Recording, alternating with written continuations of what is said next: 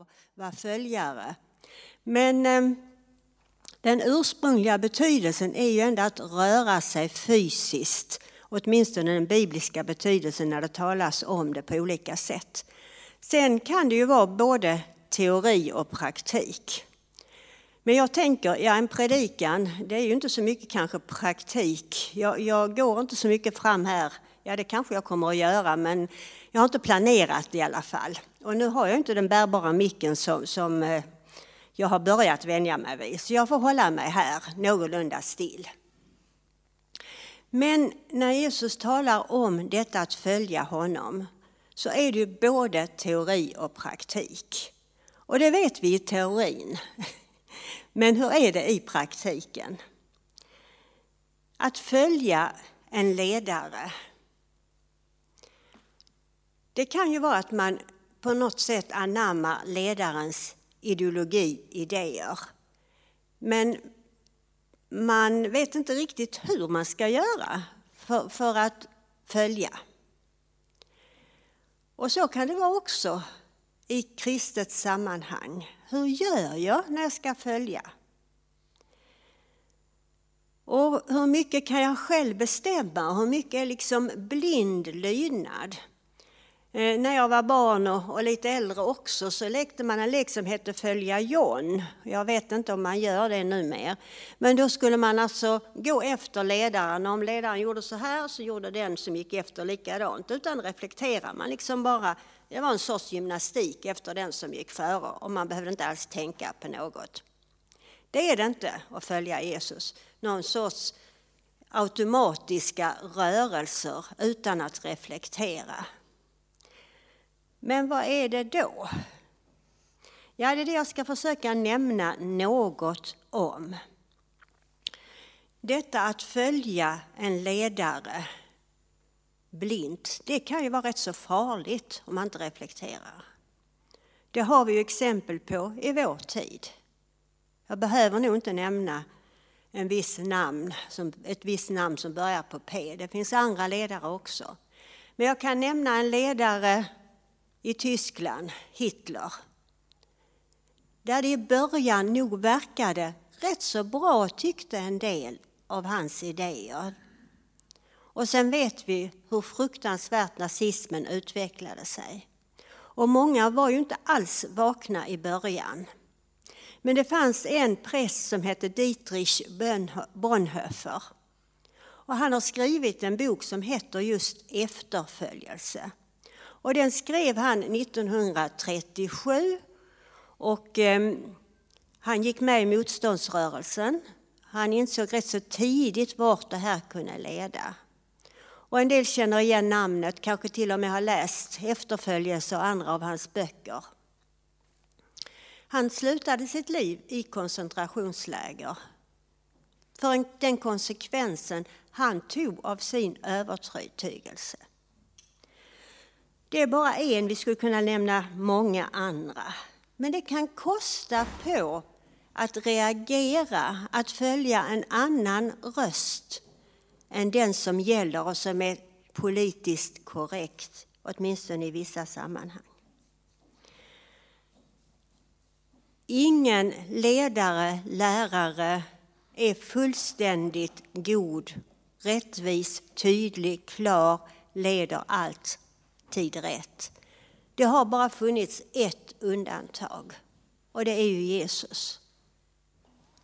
Som blev människa för vår skull och som lydde sin himmelske far totalt. Han gjorde ingenting utan att Fadern hade sagt det till honom. Och det är ju därför som vi kan med fullt förtroende följa honom. Men för att göra det så måste vi ju lära känna honom mer och mer och mer. Men han är så god och barmhärtig så han tröttnar aldrig på våra felsteg eller när vi inte har lyssnat bra, utan då undervisar han oss och så leder han oss på rätta vägar igen. Och nu ska vi läsa, ni kan få bli sittande för dagens evangelietext kommer att komma i lite små portioner. Det blir liksom en liten vandring genom texten. Så vi ska först läsa vers 51 till 55. och det är från Lukas 9. Kommer där. När tiden var inne för hans, för Jesu upptagande till himlen vände Jesus sina steg mot Jerusalem och han skickade budbärare före sig. De gav sig av och gick in i en samarisk by för att förbereda hans ankomst. Men man ville inte ta emot honom eftersom han hade vänt sina steg mot Jerusalem. Då sa hans lärjungar Jakob och Johannes, Herre, ska vi kalla ner eld från himlen som förgör dem? Men han vände sig om och tillrättavisade dem och de fortsatte till en annan by. Nu läste jag den texten, alltså folk, eh, inte folkbibeln utan Bibel 2000. Och jag upptäckte, eftersom jag brukar läsa folkbibeln och hade fastnat just för inledningsversen där, så därför ska jag läsa den också. Vad som står. För det är faktiskt, tycker jag, något viktigt som, som fattas här. Och sen gick jag till den engelska översättningen för jag tänkte det är kanske något som har smugit sig in, de som har översatt folkbibeln, men det var det inte för där fanns detta med. Så i första versen här så står det vers 51. När tiden för hans bortgång var inne vände han sitt ansikte mot Jerusalem, fast besluten att gå dit upp. Det där fast besluten kan jag inte se i, i den här översättningen. Men jag tror att det är väldigt viktigt. Vi kan vela hit och dit i våra liv med vad vi gör och det blir liksom inte den riktning vi skulle ha. Jesus visste vad han gjorde. Han var fast besluten att gå till Jerusalem. Fast det var där korset och lidandet väntade honom. Vi har ett uttryck, tänk efter före. Jag vet inte var det kommer ifrån. Vad jag vet så står det inte i Bibeln. Men det är väldigt bibliskt i alla fall. Ibland så bestämmer vi oss för vissa saker ganska snabbt eller reagerar väldigt snabbt hur vi ska göra. Och det har varit bra om vi har tänkt efter före. Och ibland så kanske vi funderar alldeles för länge och, och, och, och så, så gör vi inte det vi skulle. Om vi ser på de här två lärjungarna nu. Jag kanske först ska säga det att att gå genom Samarien det var inte så populärt för samarierna och judarna de hade olika tro och man gjorde inte det alltid. Men nu gjorde Jesus det och han visste var han skulle och han visste säkert, ja han visste att det var den vägen han skulle gå. Och det händer någonting att de skulle alltså förbereda Petrus och, och nej, nu ska vi se, Jakob och Johannes, de skulle förbereda att Jesus skulle komma. Eller om det var några andra, men Jakob och Johannes var med i alla fall. Och så blir de inte mottagna och då säger Jakob och Johannes, vill du att vi ska kalla ner eld från himlen?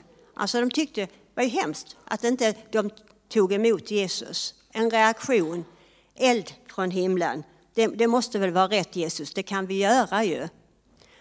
Och eh, vi kan ju tycka, oj, det, det var ju lite väl häftigt.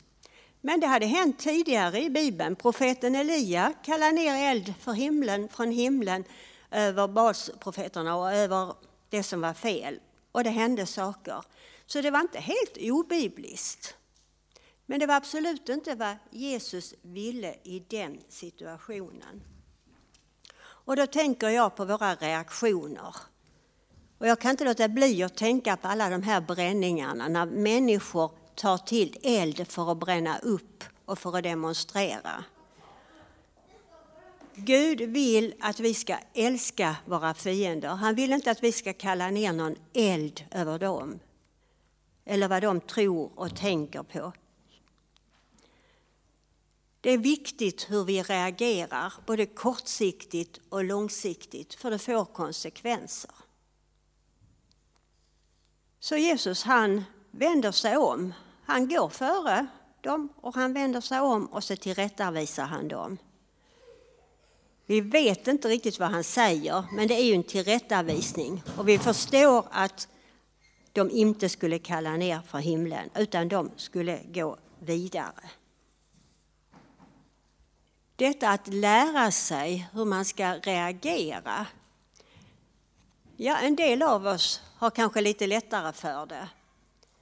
Och för andra är det svårare. Vi har olika temperament och det är vi skapade med. Och det är bra att vi är ivriga, men också våra, vårt temperament kan liksom få helgas åt Herren när vi följer honom och vandrar tillsammans med honom. Och Jakob och Johannes, de kallades för åskans söner. Så de var nog rätt så hetlevrade bägge två. Det var nog så här att det hände något snabbt och det var ju Petrus också, det vet vi mer om. Men jag tror inte vi tänker på Johannes som en åskans son om inte väldigt, väldigt väl hemma i Bibeln. För det Johannes är mycket mer känd för, det är att han är kärlekens apostel. Han talar mycket om Guds kärlek. Det är han som har skrivit det som vi kallar för lilla bibeln. Ty så älskade Gud världen så han utgav sin, sin enda son. Och han har skrivit flera brev. Bland annat skriver han i ett av sina brev Kära barn, låt oss älska, inte med ord och fraser utan i handling och sanning. Och han fortsätter vidare att vi är skyldiga att älska varandra. Så det kommer igen gång på gång i vad han skriver hur viktigt det är när vi följer Herren att Jesu kärlek får prägla våra liv. När vi möter motgångar, när vi möter hat, kanske till och med när vi möter förföljelse som vi har varit rätt förskonade om här i vårt land från det. Men hur vi reagerar. Och vi ska sjunga en psalm nu. Om ni tycker vad skönt, det var ju en kort predikan. Den är inte riktigt så kort. Utan det blir, det blir ett, en psalm här som hör ihop till detta att vi behöver be om att älska som Jesus, att lyssna till honom. Och jag tror att flera av er kan den. 280. Och det är en bön.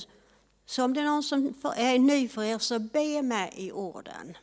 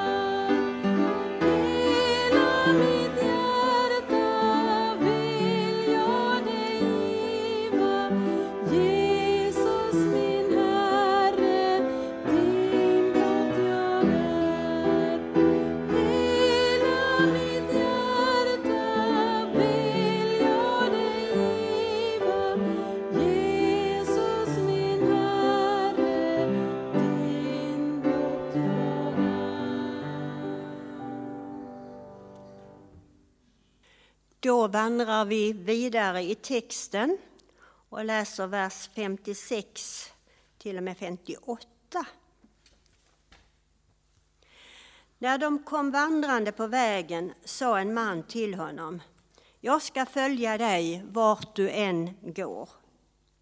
Jesus svarade Rävarna har lyor och himlens fåglar, fåglar har bon.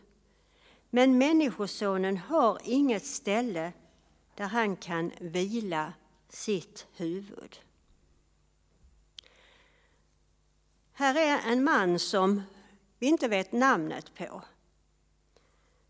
En annan, eller en man, står det i olika sammanhang, men inte namngiven. Vi vet inte. Han var troligtvis, tänker jag, inte någon av de tolv lärjungarna, för de är ofta namngivna. Både när de gör bra och dåliga saker. Vi har Jakob och Johannes här som vi läste om innan. Vem var han då? Ja, Jesus vandrade ju, han gjorde stopp och han undervisade och sjuka kom till honom och det hände saker både när han talade och när han botade och när han hjälpte människor på olika sätt.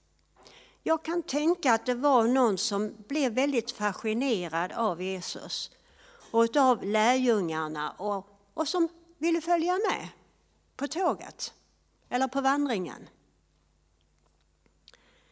Det står inte att Jesus kallade honom. Och vi kan ju undra, vi skulle kunna tänka, blir inte Jesus jätteglad? Här är en till som vill följa med på vandringen. Han svarar, rävarna har lyor och himlens fåglar har bon. Människosonen har inget ställe där han kan vila sitt huvud. Talar om försakelse. På något sätt har jag en känsla av att Jesus såg att den här mannen var inte, var inte färdig. Han kanske blev lärjung senare. Men det var inte dags för honom att följa nu. Och nu är jag kanske påverkad av Dietrich Bonhoeffer, för han är väldigt bestämd och säger att den här mannen, han är inte kallad. Och det verkar ju som om Bonhoeffer mycket väl kan ha rätt. För det visar Jesus svar på. När Jesus själv kallar, då, då på något sätt då utrustar han, då ger han hjälp till att försaka. Då har han en kallelse som liksom räcker hela vägen. Då initiativet hans. Och det står att ingen människa kan faktiskt komma till Herren utan att Herren drar. Men sen har vi ett val, att hur vi svarar på hans kallelse och hur han drar. Detta som Jesus nämner, det är ju att vi ska beräkna kostnaderna. Han vill faktiskt förbereda oss på att det kan kosta att följa honom. Det nämns om flera stycken anonyma personer här. Det kommer en annan nu i vers 59 till 60.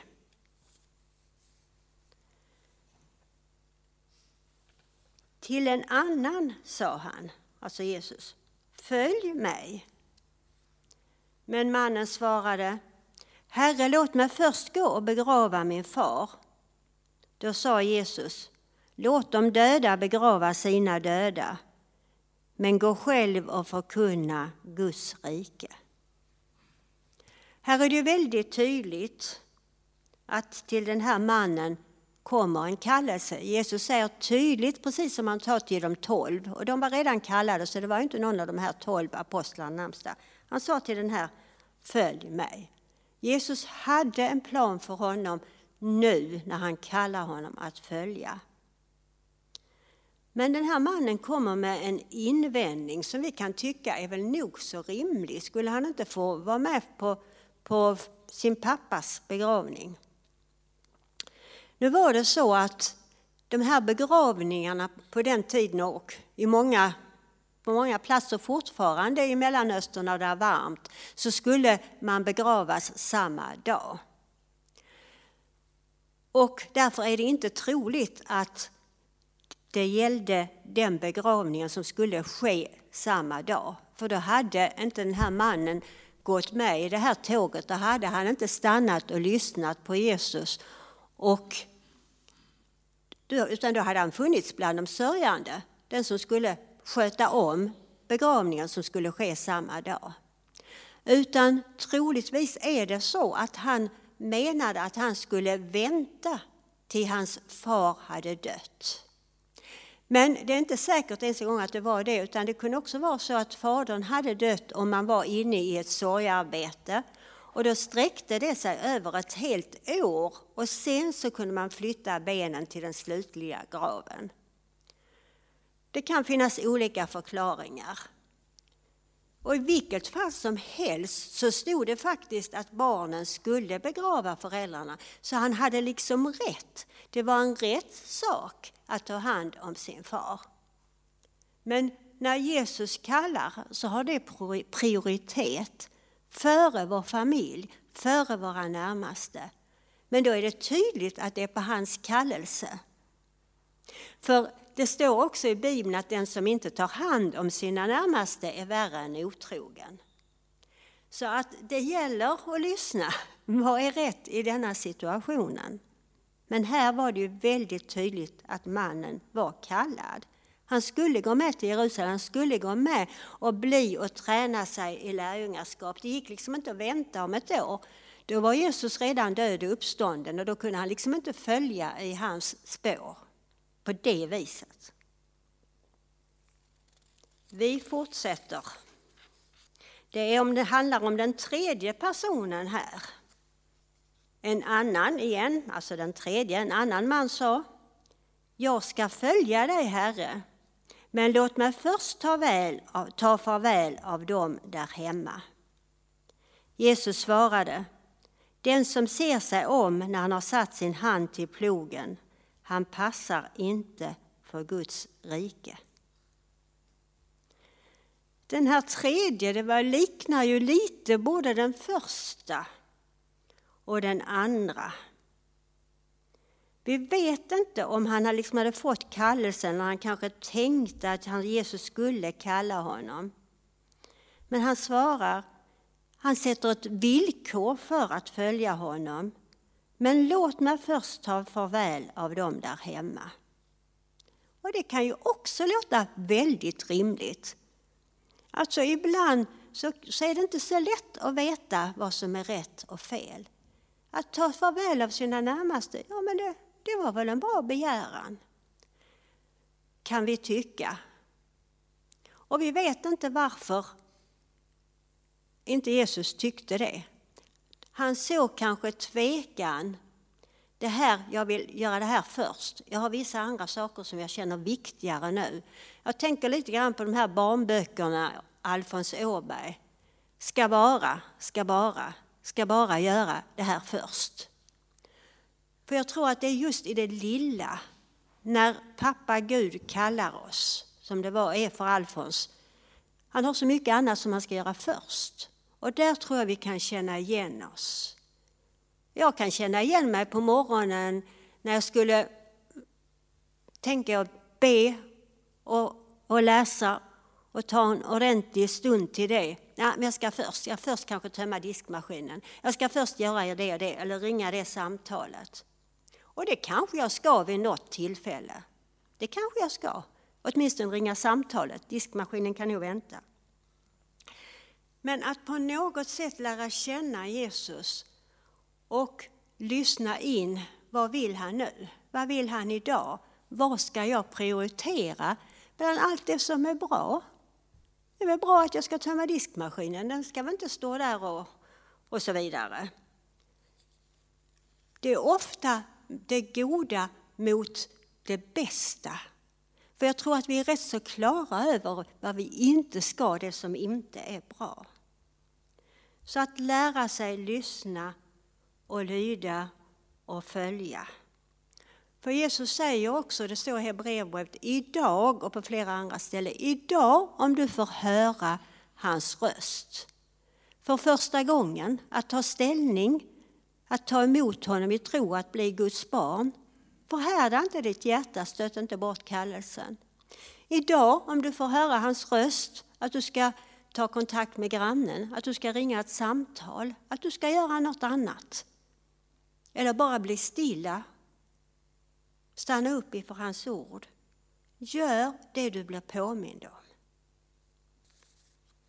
Jag ska ge ytterligare ett, exempel som inte är från, från dagens text, men som handlar om en ung man en rik man, en högt uppsatt man, det är lite olika i evangelierna, men vi brukar kalla honom den rike ynglingen. Han kommer till Jesus och vill ha ett samtal. Vad ska jag göra för att få evigt liv? Och så menar han att han har hållit buden och så. Och så kallar han Jesus gode mästare. Och mästare, det var en lärare. Och som skulle undervisa. Och han ville nog ha ett bra samtal, kanske gärna ha beröm för allt vad han hade gjort. Men Jesus såg att det var, han satt fast i något. Och det var i det han ägde, i sina ägodelar. Och då var det det han skulle gå och sälja allt vad han ägde. Och, så, och då står det att då såg Jesus på honom med kärlek och sa det var inte liksom ett hårt bud. Jesus sa att det var han fast vid. Det var det som var hans herre. Det var pengarnas makt och det var det som styrde hans liv.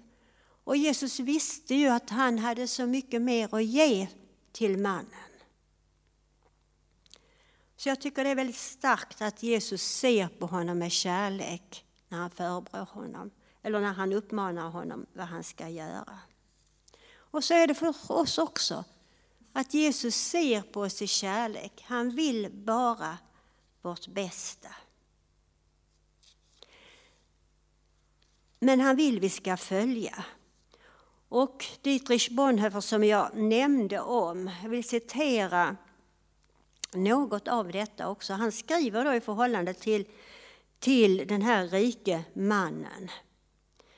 Att för den skull ska vi inte tro att vi allihopa inte vi då, men han skrev ju till sin samtid och det finns kvar, att vi alla ska sälja allt, vi, allt vad vi äger. Vi ska inte följa nödvändigtvis Franciscus fattighetsideal.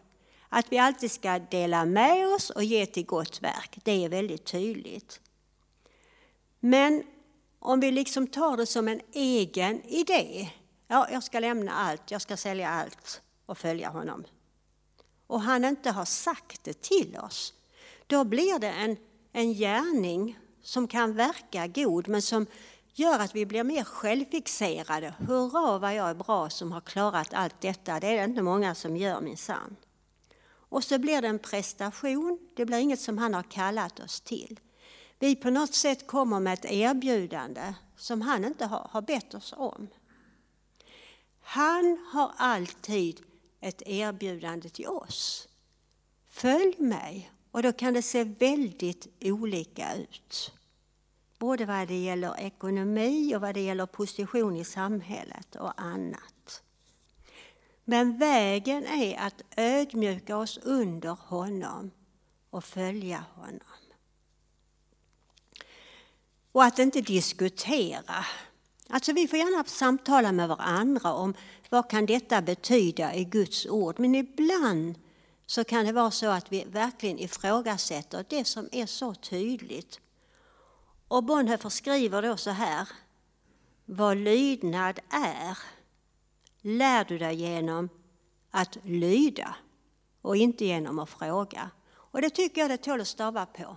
Vi vill gärna ifrågasätta, ska Gud ha sagt det? Det gäller väl inte för vår tid? Ja, men det gällde den tiden. Inte menar han så, det är väl för hårda bud. Har han verkligen sagt? Och så börjar vi liksom diskutera på något sätt när vi skulle lyda. Och då är jag tillbaka lite till där jag började. Detta att lyda utan att ifrågasätta, det gäller ju bara Herren, det gäller ju bara Gud, Jesus. För annars, om det är människopåbud, om det är kyrkan eller utanför kyrkan eller vad det är, och vi tycker att något är fel, då ska vi inte lyda blint. Då ska vi se vad säger Bibelns ord och så kan vi samtala med andra kristna. Hur ska man se på detta? Så det ska inte vara det här blinda, att vi inte får reflektera, det är inte det det gäller. Men ibland är Herren väldigt tydlig och då ska vi inte diskutera med honom. Då ska vi lyda. Ja, men om det då ändå är fel, ja då kommer du att märka det. Antingen blir det helt så tydligt, ja men Herre förlåt, då tog jag fel. Eller så får du en väldig frid i ditt liv, i ditt hjärta. Detta var rätt när jag lydde. För ingen av oss har det här från början. Det är ju därför vi måste vandra på vägen. Och jag tycker det är en väldig tröst med Jakob och Johannes och med de andra lärjungarna. De var verkligen inte färdiga och det blir vi aldrig. Men han vill lära oss, som vi hörde, den väg vi ska vandra och han vill ge oss kraft. Nu börjar jag närma mig mot slutet. Och då ska jag citera lite grann från Thomas Sjödin. Inte citera för det blir lite vad jag minns.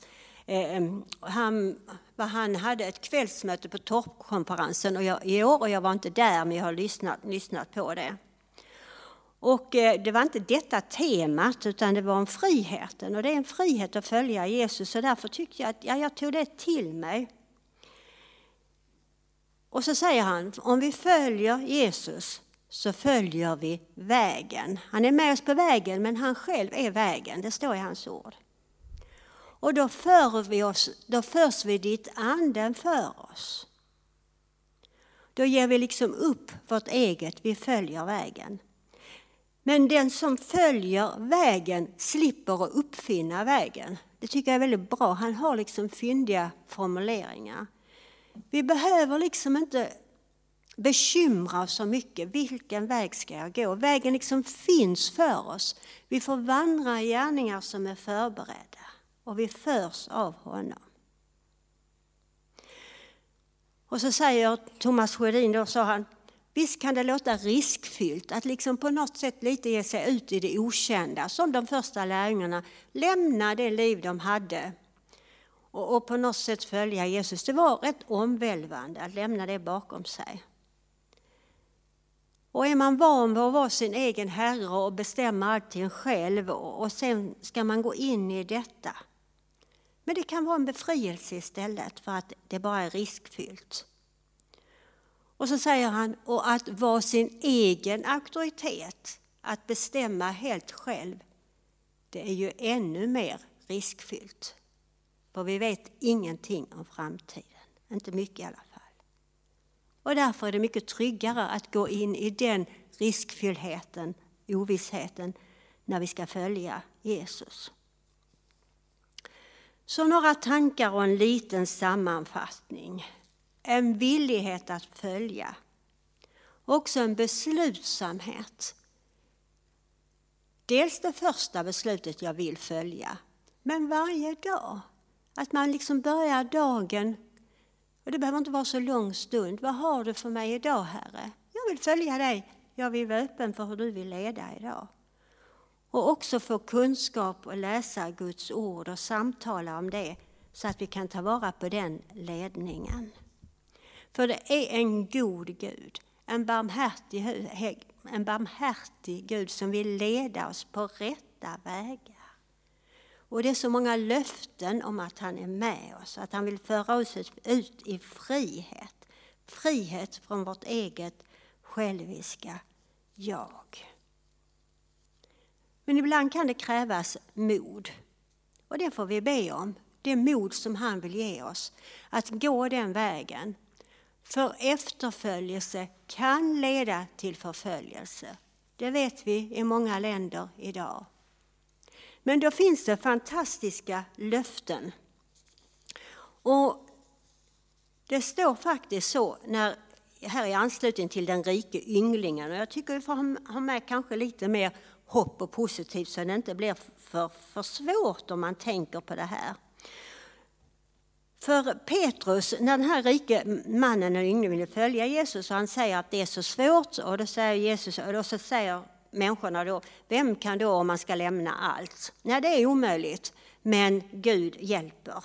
Och det här med kamelen och nålsögat, jag kan inte läsa alltihop. Men sen säger Petrus något till honom och där skulle man kanske kunna vänta ett annat svar. Petrus säger, se, vi har lämnat allt och följt dig.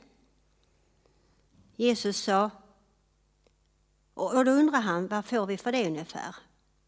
Och så säger Jesus, det får det lite olika vilket evangelium det berättar. Jesus sa, Amen, jag säger er, ingen lämnar hus eller bröder eller systrar eller mor eller far eller barn eller åkrar eller fyll i vad som passar bättre för dig i ditt liv. Ingen lämnar detta utan att få hundrafalt igen. Här i världen får de hus, bröder, systrar, mödrar. Och då tänker jag de som kanske inte har förståelse i sin familj, de som konverterar, de får ju även i vårt land ibland lämna sin familj. Men genom församlingen kan man få nya systrar, bröder och mödrar och allt. Och sen står det också, mitt under förföljelser så får man tillbaka någonting. Alltså hopp om att även där, om vi lämnar någonting, och i den kommande tidsåldern evigt liv, men redan här i tiden så ger han oss välsignelser. Han blir aldrig någon skyldig. Han har liv och överflöd att ge på alla sätt. Herre, vi prisar dig för att även om det är allvarligt att du vill ha vår hela överlåtelse, hela vårt hjärta, hela vårt liv, att vi ska följa dig, så begär du aldrig något av oss som du inte ger kraft till. Och det prisar vi dig för. Att det bästa vi kan göra för oss själva och för människor i vår omgivning, det är att förfölja dig. Amen.